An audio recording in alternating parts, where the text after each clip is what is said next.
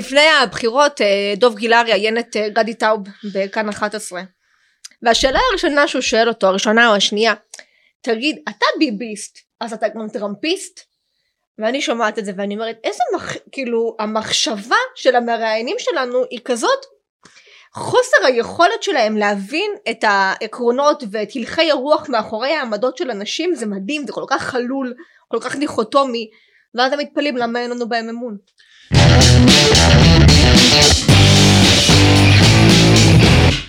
כן, אז אני אקח את מה שאת אומרת, ונגיד שלום לכל המאזינים שהתחלנו פה עם נווה דרומי במניפסט חזק נגד העיתונאים ואנשי התקשורת, אז לכן אנחנו פה היום ביחד ומדלגים על המתווך המוזר הזה שנקרא התקשורת. אבל שנייה אתה רוצה שנתחיל ונגיד איך הגענו לזה? לא אז הנה אנחנו נתחיל לדבר. יאללה. התקשורת בעולם וכאילו השמאל, השמאל בעולם הרס כמה מילים. בסדר? מילה אחת זה ליברליזם, מי שמכיר, הליברליזם זאת מילה שמבטאת את המילה חירות.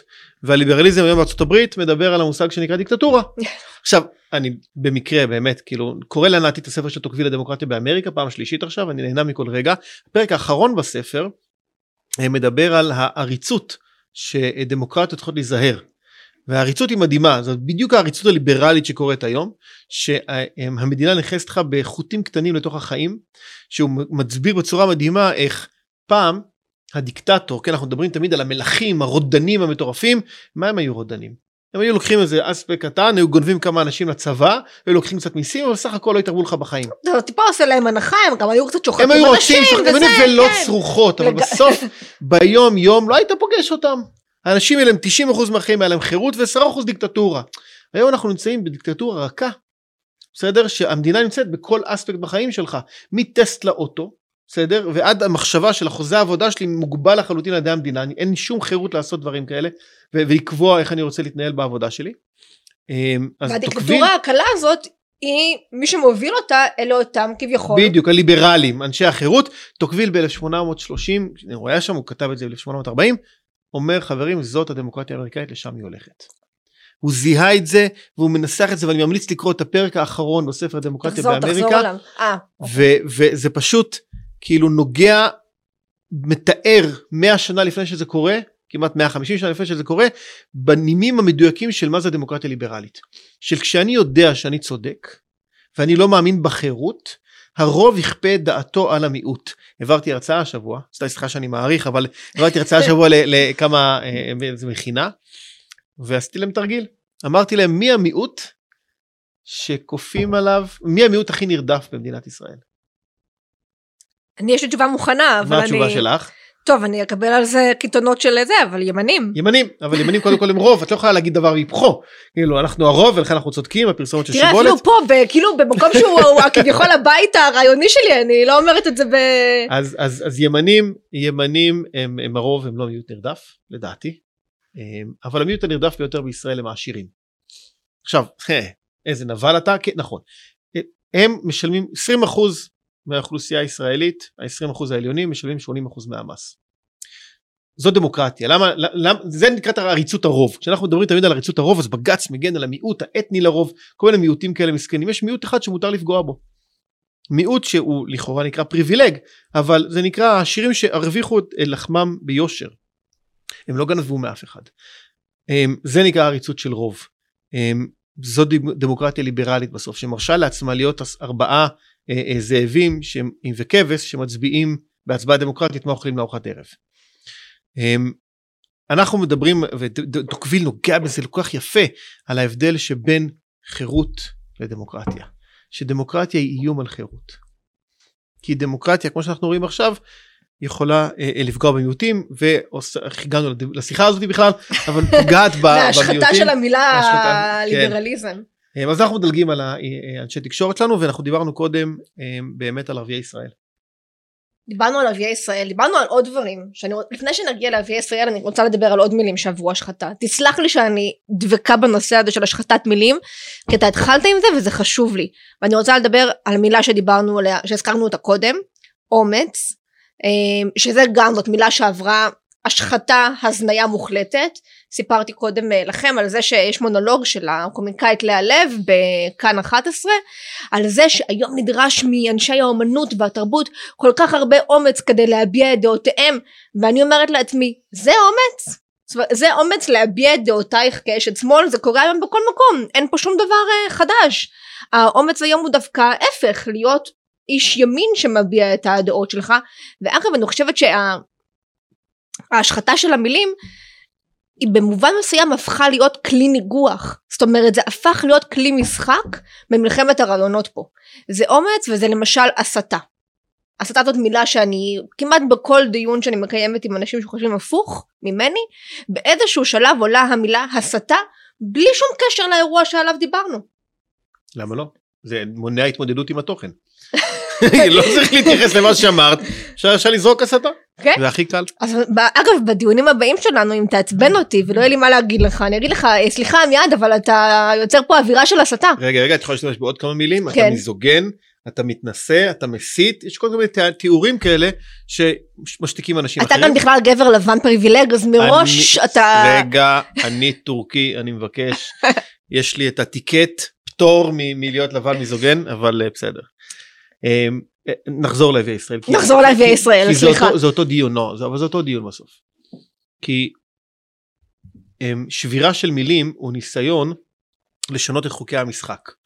הרי מה מה עכשיו כשיש הרבה מאוד כתבים שיוצאים הם, למנוע את השקרים שמעת את אלדד יניב נכנס בגדי טאוב אתה שקרן עכשיו זה דיון מעניין אבל מי אמר שאסור לשקר זאת אומרת אני נגד לשקר בוא נשים שיהיה ברור כן אבל זה לא לא חוקי לשקר זה לא חוקי לשקר כשאתה מקדם מכירה למישהו כשאתה עושה איזה אינטראקציה עסקית שמישהו משלם מחיר אבל צרכן חופשי כן שהולך ברחוב ושומע אנשים אומרים לא אמת זה לא, זה לא אין איסור בחוק לשקר. עמיעד מהצד זה נשמע שאתה מסית לשקר. כן קל קל קל 1-0 אבל, אה, אבל אבל זו טענה כאילו מנגנוני הפעלת הכוח של מדינה צריכים להגיע במשורה. לבוא ולהגיד בחוק אנחנו נשתיק אותך כי אתה משקר רגע מותר לי לשקר. מותר, נעזוב עכשיו את סוגיית האמת, האם יש אמת וכמה אנשים יש להם אמת וכמה אנשים יכולים לדבר בשם האמת, בסדר, נשאיר את זה בצד, אבל הדוסים המטורללים של הדת הליברלית, כן, מרשים לעצמם להשתמש במנגנוני הפעלת הכוח שהם אה, אימצו עם הדת שלהם, שנקראת הדת הליברלית, כן, שנקרא מדינה, לקחו את הכוח שלה במערכת המשפט בעיקר, בשביל לכפות את דעתם של מהי האמת על אנשים אחרים. ולכן הם מצדיקים את השקר שאז הם מלבישים את המושג שקר על כל מה שלא מתאים להם כן כצידוק מוסרי להפעלת כוח. נכון עד פה אני איתך. עד כאן אז זאת אומרת כל מה שלא מתאים אנחנו משתמשים בכוח עכשיו קודם כל אני כתומך חירות קודם כל אל תשתמשו בהפעלת כוח כמעט אף פעם. בסדר הנטייה לבוא לפנות למדינה לבייביסיטר בשביל להפעיל כוח על אחרים לא בדיבור כמעט גם במעשה במינימום ההכרחי אה, אה, אה, צריך להיות כלל מנחה בדמוקרטיה ליברלית לענייני. או שמרנית. אמ, כשאנחנו מגיעים לערביי ישראל, הפתרון החיצוני של הפעלת כוח לא קיים. בסדר? אז הניסיון של אה, אה, ביטול חוק קמיניץ, בסדר? שבעצם דורש משהו לגיטימי שנקרא הפעלת חוק. יש, אני נגד חוקי תכנון ובנייה אבל נניח ויש, בסדר? או צריך להיות מינימום אבל במה שיש תאכפו אותו. ולבטל באופן קטגורי אכיפה של חוק הוא נורא ואיום. אז יש את הניסיון לשבור את החוקים בצורה הזאתי. בפוליטיקה יש גם ניסיון של לשבור סדרים קיימים. לעשות איזה disruption כמו בכלכלה וה disruption שנתניהו עושה עכשיו לכולם מטריד את כולם. וזה כיף לראות את זה. הוא אז... גם נהנה מזה מאוד. אה, אה, ברור. הוא נהנה מזה. ו... תשמע, אני, האמת שכחתי מחוק קמיניץ מה שקרה השבוע, אתה הזכרת לי את זה, אבל דיברנו, דיברת קודם על השקר, אני חושבת שהביטול של חוק קמיניץ והאמתלה המוסרית שנתנו לזה, היא דוגמה מעולה לאיך שקר פתאום מקבל, אה, מקבל אה, תימוכין אה, כביכול פוליטיים, חוקיים, דברים ש, שלא היינו מדמיינים. וגם באיזשהו מקום צריך לראות שההטרלה של נתניהו בהקשר הזה, הטרלה, אני לא חושבת שזאת הטרלה. זאת לא הטרלה, זה פוליטיקה. רק אני אגיד פה למי שמאזין ולמי שלא יודע, בשבוע האחרון דיווחו על קשרים מתהדקים בין נתניהו לבין מנסור עבאס מרע"מ. שהיא חלק מהרשימה המשותפת. והיא החלק האיסלאמי ברשימה המשותפת. וצריך להגיד שעבאס עצמו היה סגן יושב ראש הפלג הדרומי של התנועה האיסלאמית. לא דבר של מה בכך. כשהייתי במכללה למדינאות, כשהייתי שם סטודנטית, הוא בא להרצות לנו. דבריו לא נעמו לי. זה לא. understatement. ממש. אבל כשאתה שומע אותו מדבר היום, את עבאס, אתה שומע קולות פרגמטיים. אגב, הוא לא משקר. אתה יודע באיזה מילה הוא משתמש והוא חוזר אליה כל הזמן כשהוא מצדיק את הקשר עם נתניהו? אינטרסים. זאת אומרת, הוא אומר את מה שבעיניי זה מובן מאליו, פוליטיקה בבסיסה היא גם אינטרסים. היא לא גם, היא רק. זאת אומרת, הוא אומר, אני כנציג המגזר הערבי, יש לי אינטרס לקדם את המגזר שלי, להתעסק בנושאים אזרחיים, אין לי שום ספק שהוא גם מקדם את האינטרסים האישיים שלו. אני לא יודעת בדיוק מה הם, האם זה להישאר בכנסת עוד זמן, כי יש לו תקנון מפלגתי, אבל יש פה גם אינטרס שלו. עכשיו, אם האינטרס שלו והאינטרס של נתניהו משרתים בסוף את ישראל, בין אם זה למשל שעבאס למשל יעלים, אה, יעלים עין מחוק קמיניץ ונתניהו יפרגן בעוד uh, כספים, מה אכפת לי? אז, אז אני, אני בעד מנסור עבאס, כן, ואני בעד מה שנת, התרגיל שנתניהו עושה, אבל הייתי רוצה ללכת לממד העמוק יותר של הסוגיה הזאת. הפוליטיקה הישראלית אתה היא תמיד דיכוטומית. לוקח את זה ל... נו מה אני אעשה אני מתנצל אה, אה, אני מנסה ללמוד להפיק את הלקחים מהפוליטיקה. נכון, בשביל זה התכנסנו. ללמוד בדיוק ללמוד פה את מה שעומד מאחורי הדברים. הפוליטיקה הישראלית מחולקת היא דיכוטומית היא, היא פעם החרדים היו על הגדר והיו לשון מאזניים בין השמאל לימין השמאל התכווץ החרדים עברו לימין והערבים תמיד נשארו צמודים עם השמאל. אה, פוליטיקאי ימני חכם אה, ינסה להגדיל את הצד הימני של המפה הפוליטית על ידי disruption חדש אה, שזה אחד לפרק את המפלגות החרדיות ולהכניס אותן פנימה זה מהלך שלא נדבר עליו עכשיו אבל המהלך השני זה לפרק את המפלגות הערביות ולחבר אותן אליו. אה, השיח במרחב הערבי אה, משתנה קשה מאוד להגיד יש כמה מחקרים שנעשים ונעשו בנושא הזה הפער שבין השיח המתלהם של הפוליטיקאים לבין השיח העממי והבחירות הקטנות של האזרחים הערבים שהפכו להיות ריאליסטיות. אפשר לראות את זה גם בראיונות שבכתבה בערוץ 12 על מנסור עבאס ונתניהו אפשר לראות את השפה של האנשים הם תוקפים את נתניהו כי הוא שיקר לגנץ. זה לא תקיפה של רגע הוא איש ימין שרוצה נכון. לכבוש ולהרוג את הפלסטינים. זה, זה טענות אחרות לחלוטין. נכון. עכשיו הטענות האלה הן טובות. אמ, כשאתה במשא ומתן ומישהו אומר לך לא מסיבה לא נכונה אתה אומר שהסיבה הנכונה היא כן בעצם. פה זאת אומרת אני כן מוכן לעשות משא ומתן עם איש ימין אני מוכ, כן מוכן להיכנס לפוליטיקה ריאליסטית עם הימין בישראל רק לא עם נתניהו. וואלה איזו תשובה הכי טובה שאני יכול לקבל. אז פוליטיקאי חכם בישראל ישראל כץ טוב אפשר לדבר על זה אבל פוליטיקאי חכם בישראל המנהיג הבא של הליכוד בין אם זה ישראל כץ גדעון סער זה הדבר הראשון שהייתי עושה היום בסדר? זה הופך להיות בין הברית של הערבים. בין הברית של הערבים הריאליסטים. כי אפשר לדבר על זה ארוכות בנושא אחר הימין גם רוצה שלום בואו לא נספר סיפורים שהימין שונא את הערבים ברור. הימין מבין שהם פה ורוצה ליצור איתם ברית אבל הוא אומר ברית בתנאים שלי ולא בתנאים שלכם לגמרי. זה ההבדל בסוף בין השמאל לימין ולכן פוליטיקאי חכם בימין היום הנישה הראשונה שהוא ילך עליו זה למשוך קולות מה, אה, אה, אה, ישראל הריאליסטים לדעתי יש עשרות אם לא מאות אלפים כאלה. אני מסכימה איתך, ואגב אני חושבת, זה נורא עצוב, כן, אבל אני חושבת שככל שהאלימות במגזר הערבי גואה, ואנחנו רואים מקרי אלימות תכופים בתקופה האחרונה, הסיכוי של, של ערביי ישראל הריאליסטים לחבור לפוליטיקאים מהימין הולך וגובר. וכשאתה שומע את הדברים שאומר אה, עבאס, וגם אה, הייתה כתבה אם אני לא טועה, או שזו אותה כתבה בערוץ 12 או בערוץ אחר, אה, שראיינו אזרחים ערבים ברחוב הם אמרו סליחה אני מה אכפת לי מהפלסטינים מה אכפת לי? אנשים פה נהרגים כל יומיים. אכפת לי אם זה נתניהו מטפל בזה חוץ מזה השמאל אה, הייתה כתבה אתמול היה מאמר אתמול בארץ של מישהו שאמר הקשרים בין אה, מנסור אה, עבאס ונתניהו זה בראש ובראשונה לקח שהשמאל צריך להפיק. במובן מסוים הקיבעון על הנושא הפלסטיני הרחיק את השמאל הישראלי גם מערביי ישראל.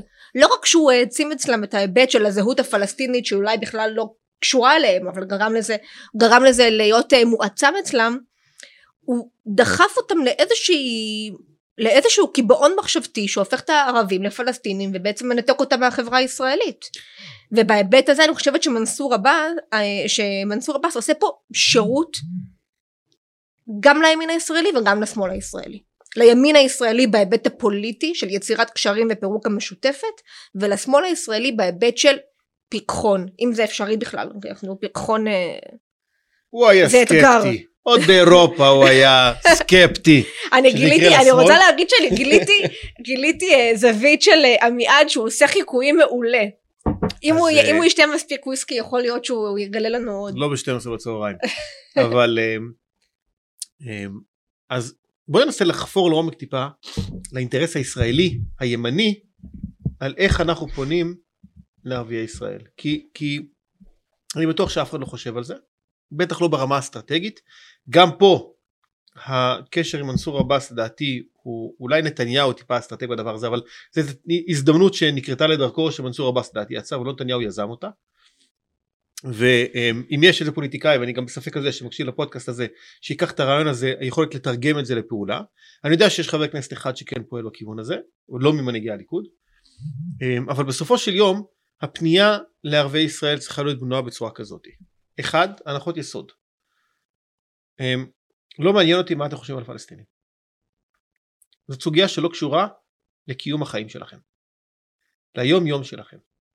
הספר המעולה של תומאס סואל המרדף אחרי צדק קוסמי כן הטענה שלו המרכזית הוא אומר שצדק קוסמי לא רק שמונע צדק מוסרי אלא מייצר עוולות מוסריות. אבל בוא- בואו נהיה מדויקים זה לא שלא אכפת להם מה הם חושבים על הפלסטינים ביום יום לא אכפת לך מה הם חושבים על הפלסטינים שקשור לחיים האזרחיים שלהם? כי אם תהיה פה אינתיפאדה וערביי ישראל אה, ייקחו יזדהו עם האינתיפאדה שבשטחי אה, יהודה ושומרון זה כן יפריע לך. בוודאי אני טוען עכשיו לא בשביל המשא ומתן כן. שלנו הפוליטי עכשיו בואו נשים את הפלסטינים בצד כי הם לא הנושא שמשפיע על איך אתה חי. אתה קם בבוקר יש לך זבל בפינה של הרחוב או שפינו לך את הזבל. יש לך כביש עם בורות או שאין לך כביש עם בורות. דפקו לך את האוטו נערים עכשיו עושים לך דיסקוטק באחת בלילה ואין אף שוטר שיפנה אותם העירייה מושבתת. חוויית החיים של ערביי ישראל כשקמים בבוקר היא לא טובה. זה מפריע להם. דרך אגב זה מפריע גם לפלסטינים ביו"ש זה מפריע גם לאנשי תושבי צהלה כשכשמרן אני פונה לרבדי החיים שהם שגרת החיים של האדם. המושג האבסטרקטי של הצדק הקוסמי שצריך לפתור את בעיית הזה צריך לפתור את בעיית הזיהום בסביבה צריך כל מיני דברים כאלה שהם מופשטים וגדולים זה הרובד הנוסף על גבי שגרת החיים האינטרס הזה הוא יותר חזק אצל כולם. אבל אתה יודע מה יגיד לך מישהו שישב פה במקומי? והוא יבוא ויגיד לך סליחה אבל גם זהות זה משהו שאתה כשמרן צריך להבין אני מזדהה לחלוטין והזהות שלי אם אני אקח שנייה את, ה, את העמדה של אותו ערבי ישראלי שמפריע לו הזבל מחוץ לבית ומפריע לו יריות באוויר בחתונות ומפריע לו הכביש המשובש אבל גם מפריע לו שהוא לפחות בתחושתו הזהות שלו לא יכולה לבוא לידי ביטוי כל עוד העם שלו תחת כיבוש מעולה. עכשיו השאלה היא כזאת, האם אני מראש אומר שהזהות מונעת שיפור של מצבך בהווה, ואז זה מחסום שלא מאפשר תקשורת? לגיטימי, יש הרבה כאלה, בעיקר האיסלאמיסטים האדוקים, בסדר? לגיטימי לחלוטין, אני, איתך אני מדבר. אני בטוח שלפחות 50% מהאוכלוסייה הערבית, אזרחי ישראל, הנגזרת התועלתנית של שגרת החיים שלהם, ובמקביל אובדן האמון ביכולת לפתור את בעיית הזהות בטווח הארוך, או- או- ההזדמנות לפתור את זה בטווח הקצר ואולי רק לפתור את זה בטווח הארוך גורם להם להבין שעדיף עכשיו לפתור את הבעיות במרחב המקומי ואם ננסח את זה טיפה אתם מיעוט אתני פלסטיני I couldn't care less במדינה לאומית יהודית. עכשיו יש לכם שתי אפשרויות או לבוא ולהתפתח איתנו ביחד או ללכת בראש בראש. עכשיו הראש בראש קורה כבר 50 שנה. מדינת ישראל לא בחוק מזניחה את הערבים אבל כשאין לך עם מי לדבר אין לך עם מי לדבר. נכון. עכשיו אתה רוצה לבוא לדבר ואני אשמח כאיש ימין לבוא ולהגיד ערביי ישראל אתם שותפים מלאים. בואו תהיו שותפים במדינה בצורה מלאה. אני אגיד לך אגב כמו שלחרדים אני אוותר על שירות בצבא גם לערבים בינתיים אני אוותר על שירות בצבא. לא, לא, זה לא נושא, נון אישו. בואו נדבר איך משפרים את חוויית החיים שלכם בהשתלבות בחברה הישראלית. מחיר, אה, תשלומי ארנונה, חובות מים, מצב שלטון מקומי, בואו נפתור את הבעיות האלה. ואגב פה אני חושבת שצריך גם להיות כנים ולומר תראו אנחנו איתכם כל עוד זה זכויות פרט ואזרח. הגבול שלנו הוא זכויות לאומיות ולדעתי הימין מאז ומעולם אומר את זה ולא הסתיר את זה. זאת אומרת זה לגמרי שם נכון? ואני חושבת שזה חלק מה... כמו ב, ב, בזוגיות אה, בין אה, בני זוג. ברגע שיש את הכנות הזאת זה יכול לעבוד הרבה יותר טוב. ועכשיו עם הפריצת דרך של השיח הציבורי הבינלאומי שדובאי עכשיו איחוד האמירויות אה, ואולי אפילו אה, ערב הסעודית יום אחד וסודאן אומרים הסוגיה הפלסטינית זזה הצידה כי עד עכשיו היא הייתה מחסום לכל תקשורת אחרת איזשהו צל שיעיב על כל אפשרות לשיח, הם שמים את זה בצד, בוא נפתור את הבעיות ונגיע לבעיה הפלסטינית אחר כך. גם הזהות באותו רגע תגיד אוקיי, אני מבין, אני לא מאבד את זהותי, אבל אני לא שם את זהותי כסוגיה המרכזית שעליה אני חי. אני חי בקונפליקט מסוים, זה לגיטימי לחלוטין. אני חי בקונפליקט בעצמי גם בסוגיה של זהות. אני לא, אה, אה, איך שהמדינה היום מבטאת את הזהות הלאומית, אני לא מתחבר כל כך בהרבה מאוד דברים, אני חושב שזה צריך להיות הרבה יותר עמוק, הרבה יותר מורכב, אז מה? יש אה, אסף מלאך כתב מאמר מדהים במקור ראשון על אה, פירמידה של זהויות. שיכול להיות אדם שמאמין במדינה כמו אורי קליין וקופץ על רימונים ויכול להיות אדם שמאמין במדינה שהיא טכנית לחלוטין. שניהם אזרחי המדינה ושניהם שותפים כל אחד ברמתו וזה לגיטימי. אנחנו צריכים להפסיק גם בימין להיות אוטופיסטים שעד שאתה לא כן קופץ על רימון ו- ו- ו- ואומר שמע ישראל אז אתה לא יהודי. כן. שטויות. ישראלי ערבי ישראלי יכול להיות שותף מלא גם ב... סליחה שאני אומר את זה שיעמוד מתוך כבוד להמנון. שלא יאמין במילים לא אכפת לי שלא יגיד היי לציון צופיה כן? לא מעניין אותי. לא אני מתחילה אני חושבת, ש... אני חושבת שדוגמה טובה לזה זה יהודים שחיים כאילו במדינות אחרות. אתה רואה יהודים באנגליה לא יודעת מה. מורכב אני לא הייתי ממשיל את זה לזה סליחה אני לא הייתי מדמיין את זה כי שמה um, הקונפליקט הלאומי הוא הרבה פחות uh, דומיננטי זאת אומרת האנגלים לא הרגו יהודים אמ, אולי בישראל אפשר מסוימת, כן, אבל זו סוגיה, את הבנת העיקרון, בסדר? הבנתי את העיקרון ואני חושבת שדווקא בגלל, אני מבינה מה שאתה אומר שפה הסכסוך יש לו הרבה יותר משקל אבל עדיין בסופו של דבר יהודים שחיים כמיעוט במדינות אחרות השלימו עם העובדה שיש המנון שלא נוגע ליהדות שלהם. את יודעת מה הבעיה עם היהודונים האלה? שהם רצו להיות יותר צדיקים מהאפיפיור. בסדר? אמיתית הם כאילו בגלל החסך של הזהות הכפולה שלהם אז הם היו צריכים להוכיח נאמנות יתר נכון לא רלוונטי כל כך למאה השנים האחרונות אבל עד לפני מאה שנים בסדר דרך אגב גם בארצות הברית הוכחת הנאמנות כי תמיד יש חשד מתמיד לנאמנות אתן לך דוגמה דווקא אקטואלית אמ, בן שפירו אדם מרשים בעל אה, אה, פודקאסט משמעותי מאוד בארצות הברית בשמרנית בשמרנות האמריקאית היום יהודי אורתודוקסי את לא תשמעי ממנו מילה של אני ישראלי. כדי שלא יאשימו אותו בנאמנות כפולה. כן. הוא הכי, אדם אומר כל מה שהוא רוצה על כל דבר, יש נקודה אחת שהוא לא נוגע בה. האם הוא שייך למדינת ישראל כמקום גאולת העם היהודי או לא? והוא בהגדרה לא. הוא לא מדבר על זה, לא נוגע בזה, לא מתעסק בזה. אני מכבד את זה, אני לא מסכים עם זה, אבל זה לא משנה. כן. שזה מעניין שזה מגיע ממנו, כי בן שפירו נתפס אצלי כאחד שלא רואה בעיניים. אבל... לא אכפת לו מה אומרים עליו, זאת אומרת, הוא לא שם על זה, אבל דווקא, אני לא שמתי לב לזה. מעניין מה שאתה אומר. גם כשהוא בא פה לארץ והוא עלה להר הבית, והוא, והוא התווכח, הכל היה בזווית ראייה פוליטית, אני אמריקאי, אני החיים שלי אמריקאים, לדעתי דרך אגב הוא עבר עכשיו לנשוויל בשביל לרוץ לסנאט. הוא עבר לפלורידה ודני ווייר עברו לנשוויל לדעתי הוא מכין עכשיו קליפורניה אין לו סיכוי להיבחר. ולכן הוא עבר למדינה אחרת כדי שיהיה לו סיכוי להיבחר אה, אה, לפוליטיקה. אבל בסוף צריך לשים את הדברים על השולחן. הוא לא מזדהה כישראלי וזה לגיטימי זה מעולה. הוא מנסה להימנע מהעמדה שלו בפוזיציה של תבחר איזה צד אתה. אגב אני חושבת שאתה יודע איפה רואים את זה אצל עוד גם למשל אצל ג'רד קושנר אין לו, לא רק שהוא לא, צריך להגיד, אין לו שום קשר לישראל חוץ מאשר היהדות, אבל הוא מאוד, זאת אומרת, בכל ההתנהלות שלו, הוא היה מאוד מאוד אמריקאי, זאת אומרת, תמיד בראש מעייניו הוא הציג את אמריקה כסדר העדיפויות הראשון ג'ייסון שלו. ג'ייסון גרינבלט עוד יותר, כי ג'ייסון גרינבלט הוא יהודי אורתודוקסי, נקרא לזה אדוק, בסדר? Mm-hmm. לא הייתי אומר חרדלניק, אבל הוא באזור הזה, בשיח האמריקאי, והוא מסתובב בלי כיפה. כאמירה, הוא קרח ויפה כזה והכיפה מאוד בולטת בניגוד לבן שפירו שהכיפה מאוד uh, נסתרת. כן בקושי רואים אותה. אבל אבל אבל עוד פעם זה סוגיית הזהויות עכשיו בוא נחזור לערביי ישראל. בערביי ישראל אתה uh, אפשר לשחק את המשחק הזה ואנשים מוכנים לחיות את החיים הכפולים האלה. אני לא מזדהה עם המדינה אבל אני מוכן לעבוד איתם לטובת הכפר שלי. וככל שאנחנו נדע לבזר יותר לחזק את השלטון המקומי ולדאוג להם היכולת שלנו לשתף פעולה בטווח התועלתני הוא גדול יותר. חייב להגיד וזו נקודה חשובה, האכיפה ועמידה על הדרישות של המדינה היא בסיס לדבר הזה. לגמרי. וזה ההבדל בין הימין לשמאל שאני לא מגיע מתוך עמדה של נחיתות באכיפת החוק אלא אכיפת החוק היא חובה צריכה להיות מינימלית החוק אבל מה שחוק חייב להיאכף וזה בסיס לכל שיח של דווקא איש ימין שדורש מסגרת של דין בתוך החברה הערבית כדי לאפשר חיים נורמטיביים שם. אמ, הלוואי וחבר כנסת אה, אמ, מהימין הישראלי אה, ייקחו את הדבר הזה אני אה, סקפטי אבל בעזרת השם. נושא שני. ש- שנייה אני יודעת מה הנושא השני כי דיברנו עליו קודם אבל מה שעכשיו דיברנו על יהודי ארצות הברית הזכיר לי משהו ששמעתי היום ברדיו ובא לי שנדבר על זה קצת למרות שאני אולי מתקילה אותך. אני איתך. המינוי של אפי איתם ליושב ראש יד ושם. היום שמעתי את uh, קולט uh, אביטל, נכון זה השם? מדברת ברדיו uh, מטעם יד ושם, ולמה היא יוצאת נגד המינוי הזה?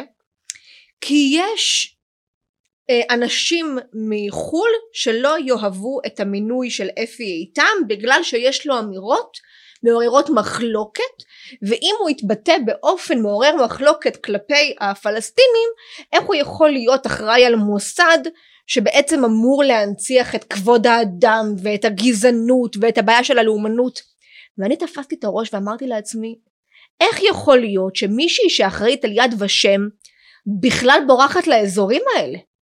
זאת אומרת מה הקשר?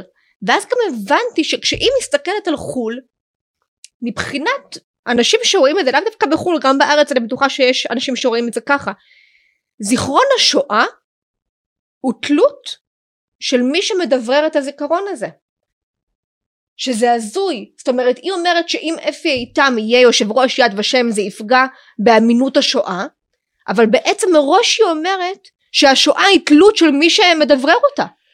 אני אשאל אותך שאלה. וזה חירפן אותי סליחה. אז בואי בואי. השואה היא לקח אוניברסלי או לקח פרטי? אני לא יכולה לשמוע את המילה הזאת, את האוניברסלי, אני יכולה לשמוע אותה בהקשר של השואה שזה חוזר על עצמו כל שנה, זה, זה, זה, זה מטלטל מבחינתי. כשיצאתי עם אשתי, אשתי למדה תיאטרון. יש לך קטע עם תיאטרון. כן, כן, כן. אמ, אשתי יצאה, אשתי למדה תיאטרון והיא קיבלה כרטיסים חינם להצגה בתיאטרון בירושלים אמ, בנושא השואה. הלכנו להצגה בתמימותנו, יצאנו חודשיים היינו חברים ובתמימותנו הלכנו ביום השואה להצגה והנושא של ההצגה בתיאטרון בירושלים היה הומואים בשואה. לא ידענו, לא בדקנו, אתה יודע, קיבלנו כרטיסים מתנה והלכנו אה, והנושא היה הטלאי הוורוד. עכשיו התחיל רבאק. כאילו חסרים נושאים בשואה בשביל להגיע לטלאי הוורוד והתשובה היא לא חסרים זאת אג'נדה מאוד מסודרת וזאת נקודה חשובה. אני אישית בסדר אמ, השואה היא נקודה חשובה מאוד בהיסטוריה ובזיכרון הלאומי. היא קיבלה דיספרופורציה. השואה, קיבל... השואה קיבלה מקום לא פרופורציונלי באתוס הלאומי, אני ארחיב. שנייה.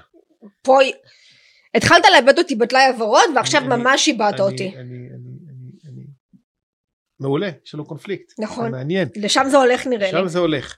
השואה קיבלה מקום דיספרופורציונלי באתוס הלאומי, מהצד השני, בגלל המקום הדיספרופורציונלי שהוא קיבל, השמאל הישראלי הופך אותו, ובוודאי יהדות העולם, הופכת אותו ללקח אוניברסלי. אני אפרט. אחד, אם האיום, אם המסקנה מהשואה, בסדר? היא אחד, הגויים רוצים להרוג את היהודים לא משנה כמה הם יהיו טובים, אז אין צידוק ל... מדינת ישראל? לא, אין צידוק ליהודים לגור בחו"ל.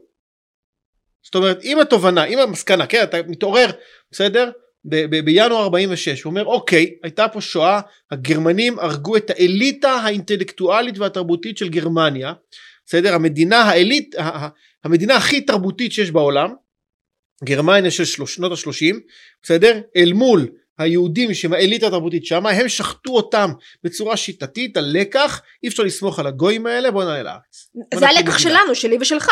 לא זה הלקח ש... שלך, בסדר? וזה הלקח של 46, בסדר? הלקח של האמריקאים, הם גרים בארצות הברית, זוכר את הדיבור על, הג... על הקונפליקט הזהותי, הם אמריקאים ורק אחר כך יהודים, הם קודם ליברליים ורק אחר כך דתיים, בסדר? ניגע לזה בהמשך. הבסיס של הזהות שלהם היא כזאתי, ואז הלקח של השואה צריך להיות אוקיי, hmm, יש בעיה של גזענות, יש בעיה של אנטישמיות, צריכה להיפתר, אבל הם לא הופכים את זה ללקח פרטיקולרי. ברור שלא. הופכים את זה ללקח אוניברסלי, ואיזושהי הבנה שיש קונפליקט, אני צריך לעזור ליהודים שיש להם חשש שהם לא באמריקה, כן? באמריקה אין את האיום הזה, אבל לכל שאר העולם יש, צריך לעזור ליהודים שיהיה להם מקום מקלט, זה לא לקח עקרוני, זה לקח טכני. מדינת ישראל, וזה עמוס עוז בספרו באור התחילת העזה כותב את זה במאמר אה, אה, אה, מאלף, אה, שמדבר על משל הקרש. עם ישראל לא יעלה אלא לארץ ישראל הוא כותב שמה, בסדר אבל צידוקנו המוסרי אני עושה הפרדה גמורה בין הסיבה שעלינו כי התפללנו לפה אלפיים שנה לבין הצידוק המוסרי. הצידוק המוסרי שבגללו עלינו לארץ ישראל הוא בגלל השואה. הוא לא אומר השואה הוא אומר הוא אומר את זה כך כי התובע נאחז בקרש בסדר? אז אני טובע מספינה, רק שנייה, מי הספינה הטובעת, אירופה, ארובות של אושוויץ, נעמד על הקרש, ועכשיו הצידוק המוסרי שלי הוא כזה, או לטבוע או לתפוס בקרש, ואז הוא אומר, וההבדל בין לדחוק את אחמד מהקרש עד הסוף, זה מילים שלי כבר, בסדר, לבין אה, אה, רק לחלוק איתו חלק מהקרש, הוא אומר, זה ההבדל בין כיבוש יפו ורמלה לכיבוש שכם ורמאללה. ואז הצידוק המוסרי הוא אומר בעצם, השפה שלי, אנחנו גנבים אבל עם רישיון. כן. עכשיו תחשבי שנייה, האם עם ישראל הגיע לארץ ישראל בגלל השואה? התשובה היא לא. ברור שלא. מעולה. לכן זו הטענה שלי על המקום הדיספרופורציונלי של השואה באתוס הישראלי. אתה עושה בעצם הפוך על הפוך. אנחנו לא פה בגלל השואה. נכון. זה לא הפוך על הפוך. מדינת ישראל, ארץ, הסוכנות, המוסדות היהודיים ב-1938 היו הרבה לפני השואה. נכון. לא, כי בהתחלה, בהתחלה השתמע מהדברים שלך שאתה, חשבתי שאתה הולך להפתיע אותי, שדווקא אתה הולך לכיוון של השמאל. שבעצם אתה מוצא את צידוק הנוכחות שלנו פה בהיבט הזה, וזה מה שהפתיע אותי, אני יודעת שזה לא אתה. זה דיספרופורציונלי. בדיוק. ועכשיו הקטע, הקטע של מה שקורה עכשיו לשואה, בעיניי זה פשוט, מה שאמרת על בעצם הצידוק המוסרי של מותר לנו לכבוש את, אה, את יפו אבל, אה, אבל שכם וחברון זה יותר מדי זה זיקוק מעניין.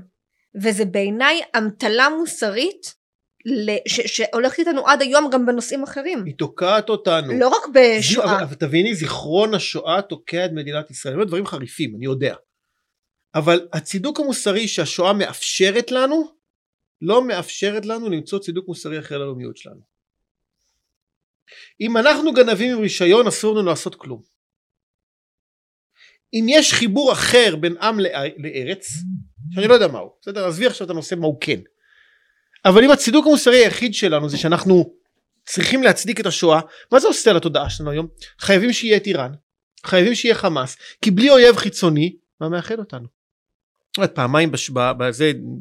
אני חושבת שאתה טיפה מרדד את זה, כי סך הכל יש מה שמאחד אותנו גם בלי קשר לאיראן, בלי קשר לחמאס, הרי חלק מהסיבות שרדפו אחרינו כל השנים ועדיין רודפים זה כי יש דברים שמאחדים אותנו והופכים אותנו לעם מאוד חזק באמונה שלו. אני מסכים איתך. ובמסורת שלו. האם זה תופס היום? אני חושבת האם אדם ש... שקם בבוקר אומר אני יהודי, כן? וזה כי. וכשאתה שואל אותו רגע אבל תחפור בצידוק המוסרי ותעמוד בטענות ישבתי עם מישהי שהייתה באחד מהצוות באו"ם ודיברנו על, על הטענות באו"ם מול האלה ותמיד אתה מגיע לטיעון הקיומי לטיעון אקזיסטנציאליסטי שהקיום קודם למהות. אנחנו פה כי רצו להרוג אותנו נתנו כן. לבוא לפה אבל האם יש לנו טיעון אחר טיעון פוזיטיבי של מה אנחנו כן. שמה אנחנו כן? בוודאי שיש טיעונים פוזיטיביים למה אנחנו כן. תפדלי נווה קדימה אני רוצה לשמוע. א' זה שלנו. המילה שלנו זה את מדברת כמו אוהדת מכבי תל אביב. אני לא אוהדת מכבי תל אביב, אני לא אוהדת שום בית"ר ירושלים, זה לא משנה, אותו לא. עיקרון, קבוצת כדורגל, זה שלי למה כך? אבל עמיעד אתה מבין שזה הולך למקום הכי פשוט אצל כל אדם זה שלנו לא לכל אדם יש את, ה, את השכבות שאתה הולך איתם לכל מקום כשאתה מדבר על הזהות שלך ולמה אתה פה בסופו של דבר אדם הרי למה היום רוב העם הוא מרכז ימין נקרא לזה אתה חושב שהוא מכיר את כל הכתבים שקשורים ללאומיות שהוא קרא את אדמונד ברג שהוא יודע את, הוא מכיר את השמרנות ואת הקשר לשורשים עד ל... ל, ל עזבי שמרנות, הוא לנימי- קרא- הוא קרא את התנ"ך? הוא גם בבוקר לא, וקורא פרשת גם שבוע? לא, אבל בסוף בקישקה, למה הוא כאן?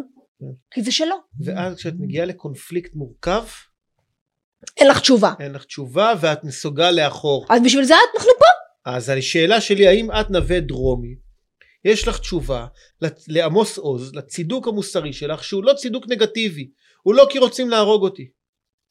האם את תעמדי מעל בימת הכנסת ותגידי השואה היא לא הצידוק המוסרי שבגללה אנו פה, אלא... ואז תמשיכי את המשפט. אני לא אגיע לכנסת, אבל אני יכולה להגיד מעל המיקרופון הזה, שאני חושבת שהצידוק שלי ללהיות פה הוא תחושת השייכות שלי, הזהות שלי, המקום שבו אני יכולה להרגיש הכי נוח בזהות היהודית שלי, הציונית שלי, שפה אני לא מרגישה שאני צריכה להסתתר, אמנם זה נגטיבי, אבל זה גם, יש בזה משהו מאוד פוזיטיבי. לא, אבל לנגטיבי יש בעיה. כי זאת לא הגדרה של מי את כן. זה הגדרה של מי את לא, ואת חייבת שתמיד יהיה את המי אני לא, כדי להרגיש את זה. זה ברבדים מאוד תת מודעים, אבל כשאת הולכת להסביר את עצמך באו"ם, קשה. מה הפוזיטיבי שלך? זה אתגר. אני מסכים איתך. זה לא אתגר שלי, זה אתגר של העם. אני אתן לך דוגמה. אמ, כש, אמ, כשהקימו את פתח תקווה, כן? אז יש שיר יפה מאוד. בבוקר לך בשנת תרל"ח עת בציר הענבים יצאו מיפו על סוסים חמשת הרוכבים. שטמפר בא וגוטמן בא וזרח ברנט ויואל משה סלומון עם חרב באבנט. איתם הלך הדוקטור מזרקי, בסדר זה המשך. מי הוביל את החבורה? מי? מי? יואל משה סלומון. איך נראה יואל משה סלומון? יואל משה סלומון, ממה שאני זוכרת, איך הוא נראה? אני ראיתי תמונות שלו. אני לא זוכרת איך הוא נראה. אז אפשר לעשות גוגל כל מי שמאזין עכשיו אבל יואל משה סלומון הוא הרב יואל משה סלומון שהדרת זקן על פניו כיפה ענקית והוא התמודד לתפקיד הרב הראשי של ירושלים והוא הוביל את החבורה שהלכה לפתח תקווה וכשהוא קרא לפתח תקווה פתח תקווה למה הוא קרא לה ככה? לאם המושבות?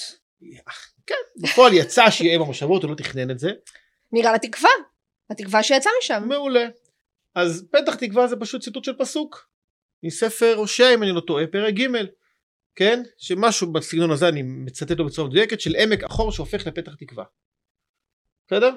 עכשיו תלכי לכל המושבות ראשון לציון פסוק ראשון לציון הנה הינם ולירושלים מבשרת הן ואבן מעשו הבונים הייתה לראש פינה נכון?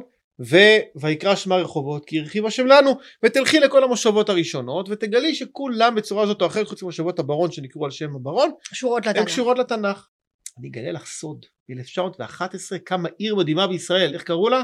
אבל מה אתה מנסה להגיד? להגיד שיש לאנשים האלה אתוס הרבה יותר עמוק. שהאתוס הזה הוא לא טענה היסטורית היא טענה עתידית.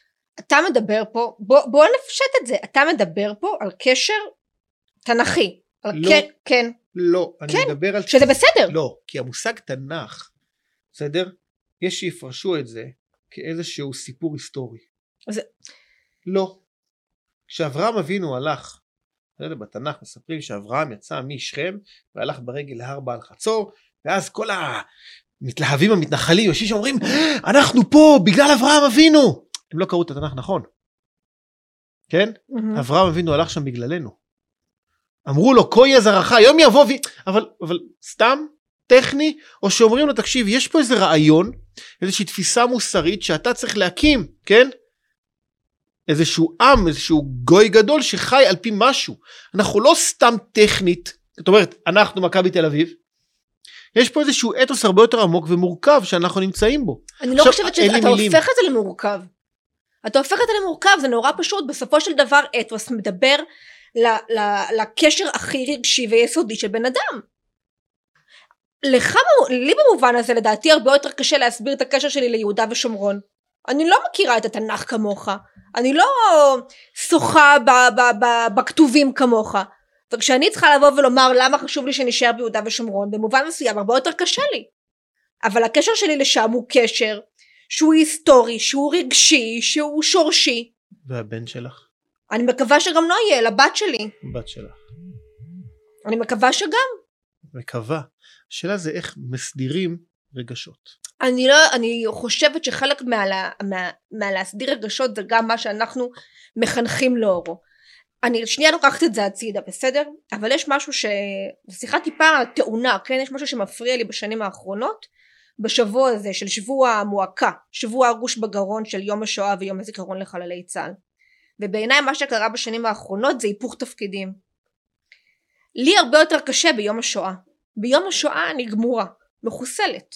זה מבחינתי יום, כל השנה, מבחינתי השואה צריכים לדבר עליה כל השנה. אבל ביום השואה מן הסתם זה, זה הרבה יותר אה, נוכח ואני מרוסקת מבחינתי זה יום שמציין את, את השחיטה הכי נוראית שאפשר לחשוב עליה. יום הזיכרון יש לי נחמה מסוימת דווקא. כי אני אומרת רבאק נהרגו וזה כואב אבל הם נהרגו נהרגו על שם זה ש, ש, שלא ישחטו אותי כמו ששחטו אותי אז. אבל יש היום בציבור הישראלי, הרבה בציבור הישראלי עושים את ההיפוך הזה, שאנחנו צריכים דווקא לבכות על זה שנהרגו עבור רחובות וראשון לציון ופתח תקווה. ו... ואני מקווה שכשאני אדבר עם הבנות שלי על זה שיום השואה הוא יום שיש בו אובדן אובדן בלתי נתפס לעומת יום הזיכרון שבו נלחמנו על משהו שהוא ייתן לנו חיים אני מקווה שזה גם יעשה להם את החיבור ליהודה ושומרון. ואולי יקרה משהו הפוך. אולי את הפתוס וההתלהבות והחיבור האינטואיטיבי שיש לך הם לא יקבלו. יכול להיות. ואז מה? ולהבנתי הדלה האדם ואפשר להגיד שזאת אחת המחלוקות הראשונות והמרכזיות בין הפרוגרסיבים לשמרנים היא שאדם מורכב מכמה חלקים הוא לא רק רציונליסט יש לו גם רגשות ויש לו דמיונות ויש לו חוויות חיים. וכדי להזדהות עם משהו אז צריך קודם כל את המחויבות. שזה נולדתי כאן אני חלק מהעם הזה קיבלתי איזשהו הסכם תועלתני מסוים ואפשר על גבי זה להוסיף את החוויה הרגשית של אה, אה, סרטים של גיבורי ישראל ויהודה קנדרור ורועי קליין בסדר וכאלה. ואפשר לעשות את החוויה השלילית הרגשית של תמונות ענקיות של שואה אבל על גבי זה כשאתה מגיע ונפגש עם עולם שמדבר בטענות בסוף אתה צריך להגיע עם טענה. ברור שאתה בסוף צריך להגיע עם טענה. ואין לנו היום. אני לדעתי. אני חולקת עליך, אין לך טענה למה אתה קשור לפה? לדעתי, לי המיד הפרטי אולי יש, אבל המיד הפרטי הוא לא הנושא. הנושא לא פה הוא האם אומה יודעת לבוא ולהסביר את הקשר שלה לארץ, והאם זה מצדיק אותה לפעול פעולות מורכבות במרחב הציבורי. אתה, עמיעד כהן הוא חלק מהאומה. לך אין היום הסבר שהוא לא רגשי ללמה מגיע לך לחיות פה? שאלה מורכבת. באמת? באמת. כשאתה הולך למרחבים האינטלקטואליים וה... נקרא לזה רציונליים, התשובות הן מתחילות להיות מורכבות מאוד. אמ, אני, הספר אני... של יורם חזוני, אמ, ספר מומלץ לקריאה דרך אגב. אל תשלח אותי לספרים של אחרים.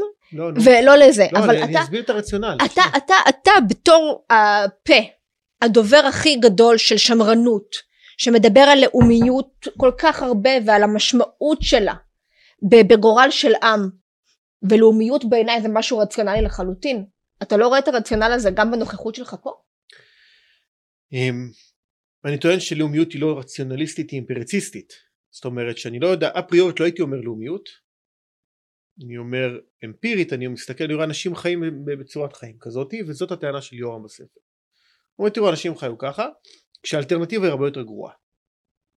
אבל הוא לא נותן מקום שמגדיר את הערך הגדול של לאומיות, בוודאי בוודאי לא של החיבור של מדינה, לאום וארץ. בוודאי בוודאי לא מדינה, לאום וארץ, לא משהו שצמח בוטם אפ מקהילות ושבטים שחיו במקום מסוים וגידרו את מקום מחייהם במשך מאות שנים, אלא היגרו לשם באופן חד צדדי, בסדר? במשך תקופה של 70 שנה. זאת, אני לא אומר שאין תשובה. חד משמעית לדעתי יש תשובה, לי המיד הפרטי יש תשובה. אבל לי המיד הפרטי זה לא, המיד, זה לא עם ישראל הכללי. שאתה קם בבוקר עם ישראל עם תודעה של למה אנחנו כאן.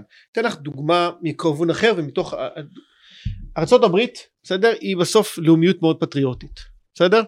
הם קמו עם אתוס מאוד מסוים של אה, הם, אנחנו מקימים פה את, ה, את העולם העתידי בסדר? מדינת העתיד שיש אה, לנו אתוס אחד של הבאת האור יש ציור מדהים שנקרא הליכה מערבה של איזושהי אלת האור שהולכת ומניחה עמודי אה, אה, טלגרף ומגרשת את הברברים ואת האינדיאנים ובונה בתים ואת רואה חושך חצי תמונה אור חצי תמונה האתוס האמריקאי בהתגלמותו זה אתוס לאומי מדהים.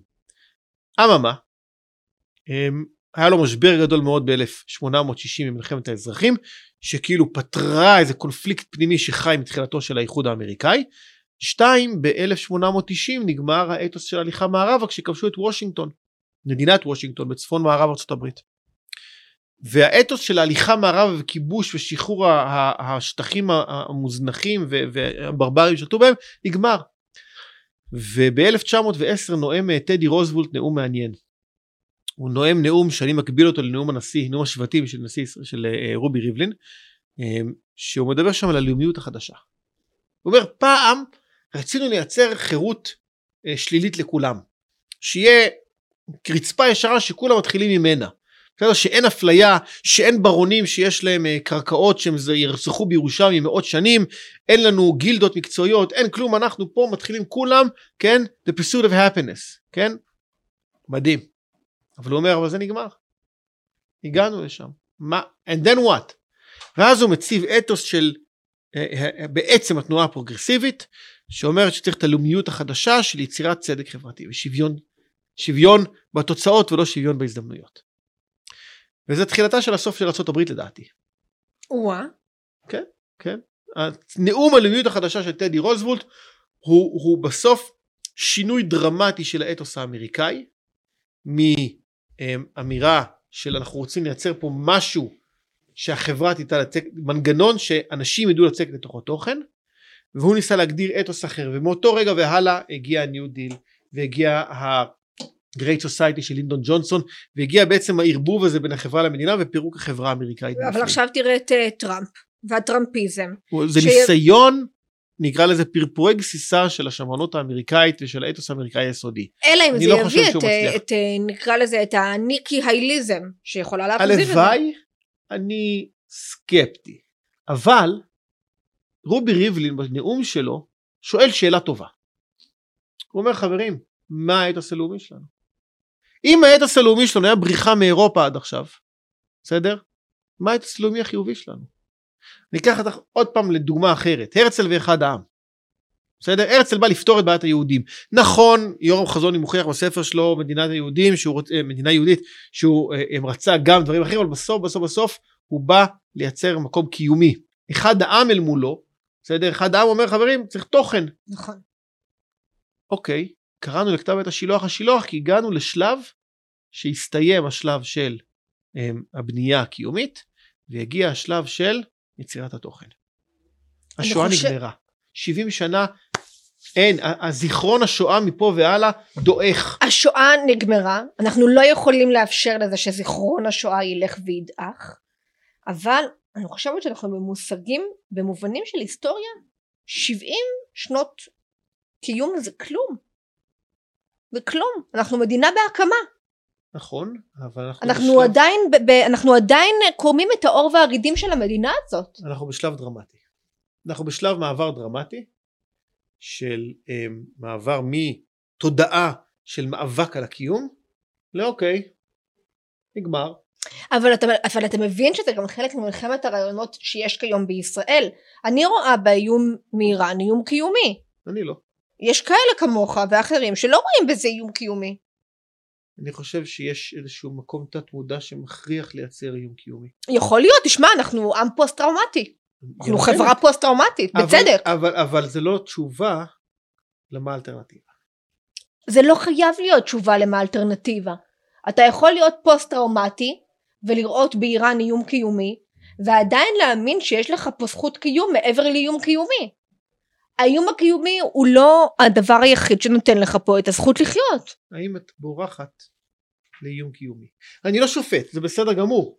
אני רק שואל, אני טוען, אני מנסה להקדים את המאוחר ולהגיד לפני שנגיע למשבר, כי הרי אנחנו כבר במשבר. לא, אני חושבת. שאני ריאלית. זאת אומרת, ההיסטוריה במקרה הזה היא לצידי.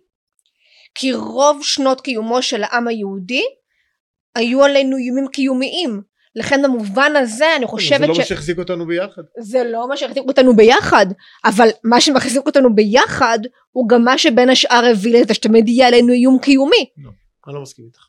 סליחה, היסטורית, ברוב היסטוריה של עם ישראל בגלות לא ניסו להרוג אותם. יש אנקדוטות שהן בולטות באופן דרמטי.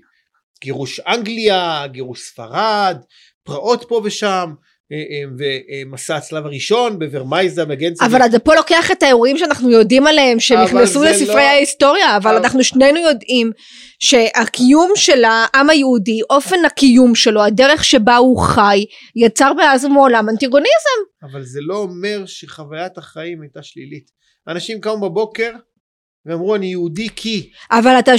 ברור שאנשים קמו- בבוקר ואמרו אנחנו יהודים כי בין השאר זה גם מה שהביא שנאה כלפיהם כי אנשים לא הבינו איך למרות כל השנאה כלפיהם הם עדיין קמים בבוקר ואומרים אני יהודי כי מה? עכשיו כי מה כי זה תחושת הזהות שלהם כי זה האופי שלהם זה האישיות שלהם שמה זה אומר? איך אני מחנך, למה זה. איך אני מחנך את הילדים שלי לזהות הזאת? אבל עכשיו אתה הולך למקום שהוא לא קשור דיברנו על האם איום קיומי הוא המנגן הוא המרכיב העיקרי בזהות שלי או לא. ואני אומרת שהאיום הקיומי הוא חלק מהחוויה של העם היהודי. העם היהודי כיום בישראל לא נשען רק על האיום הקיומי.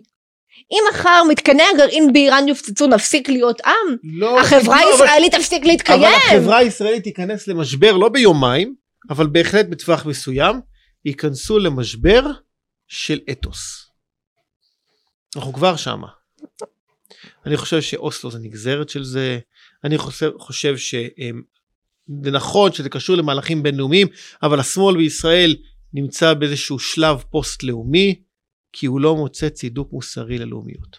והימין בישראל לא מתעסק בנושא הזה. כי הוא מדבר מתוך אינטואיציות, הוא אומר אני חי את זה.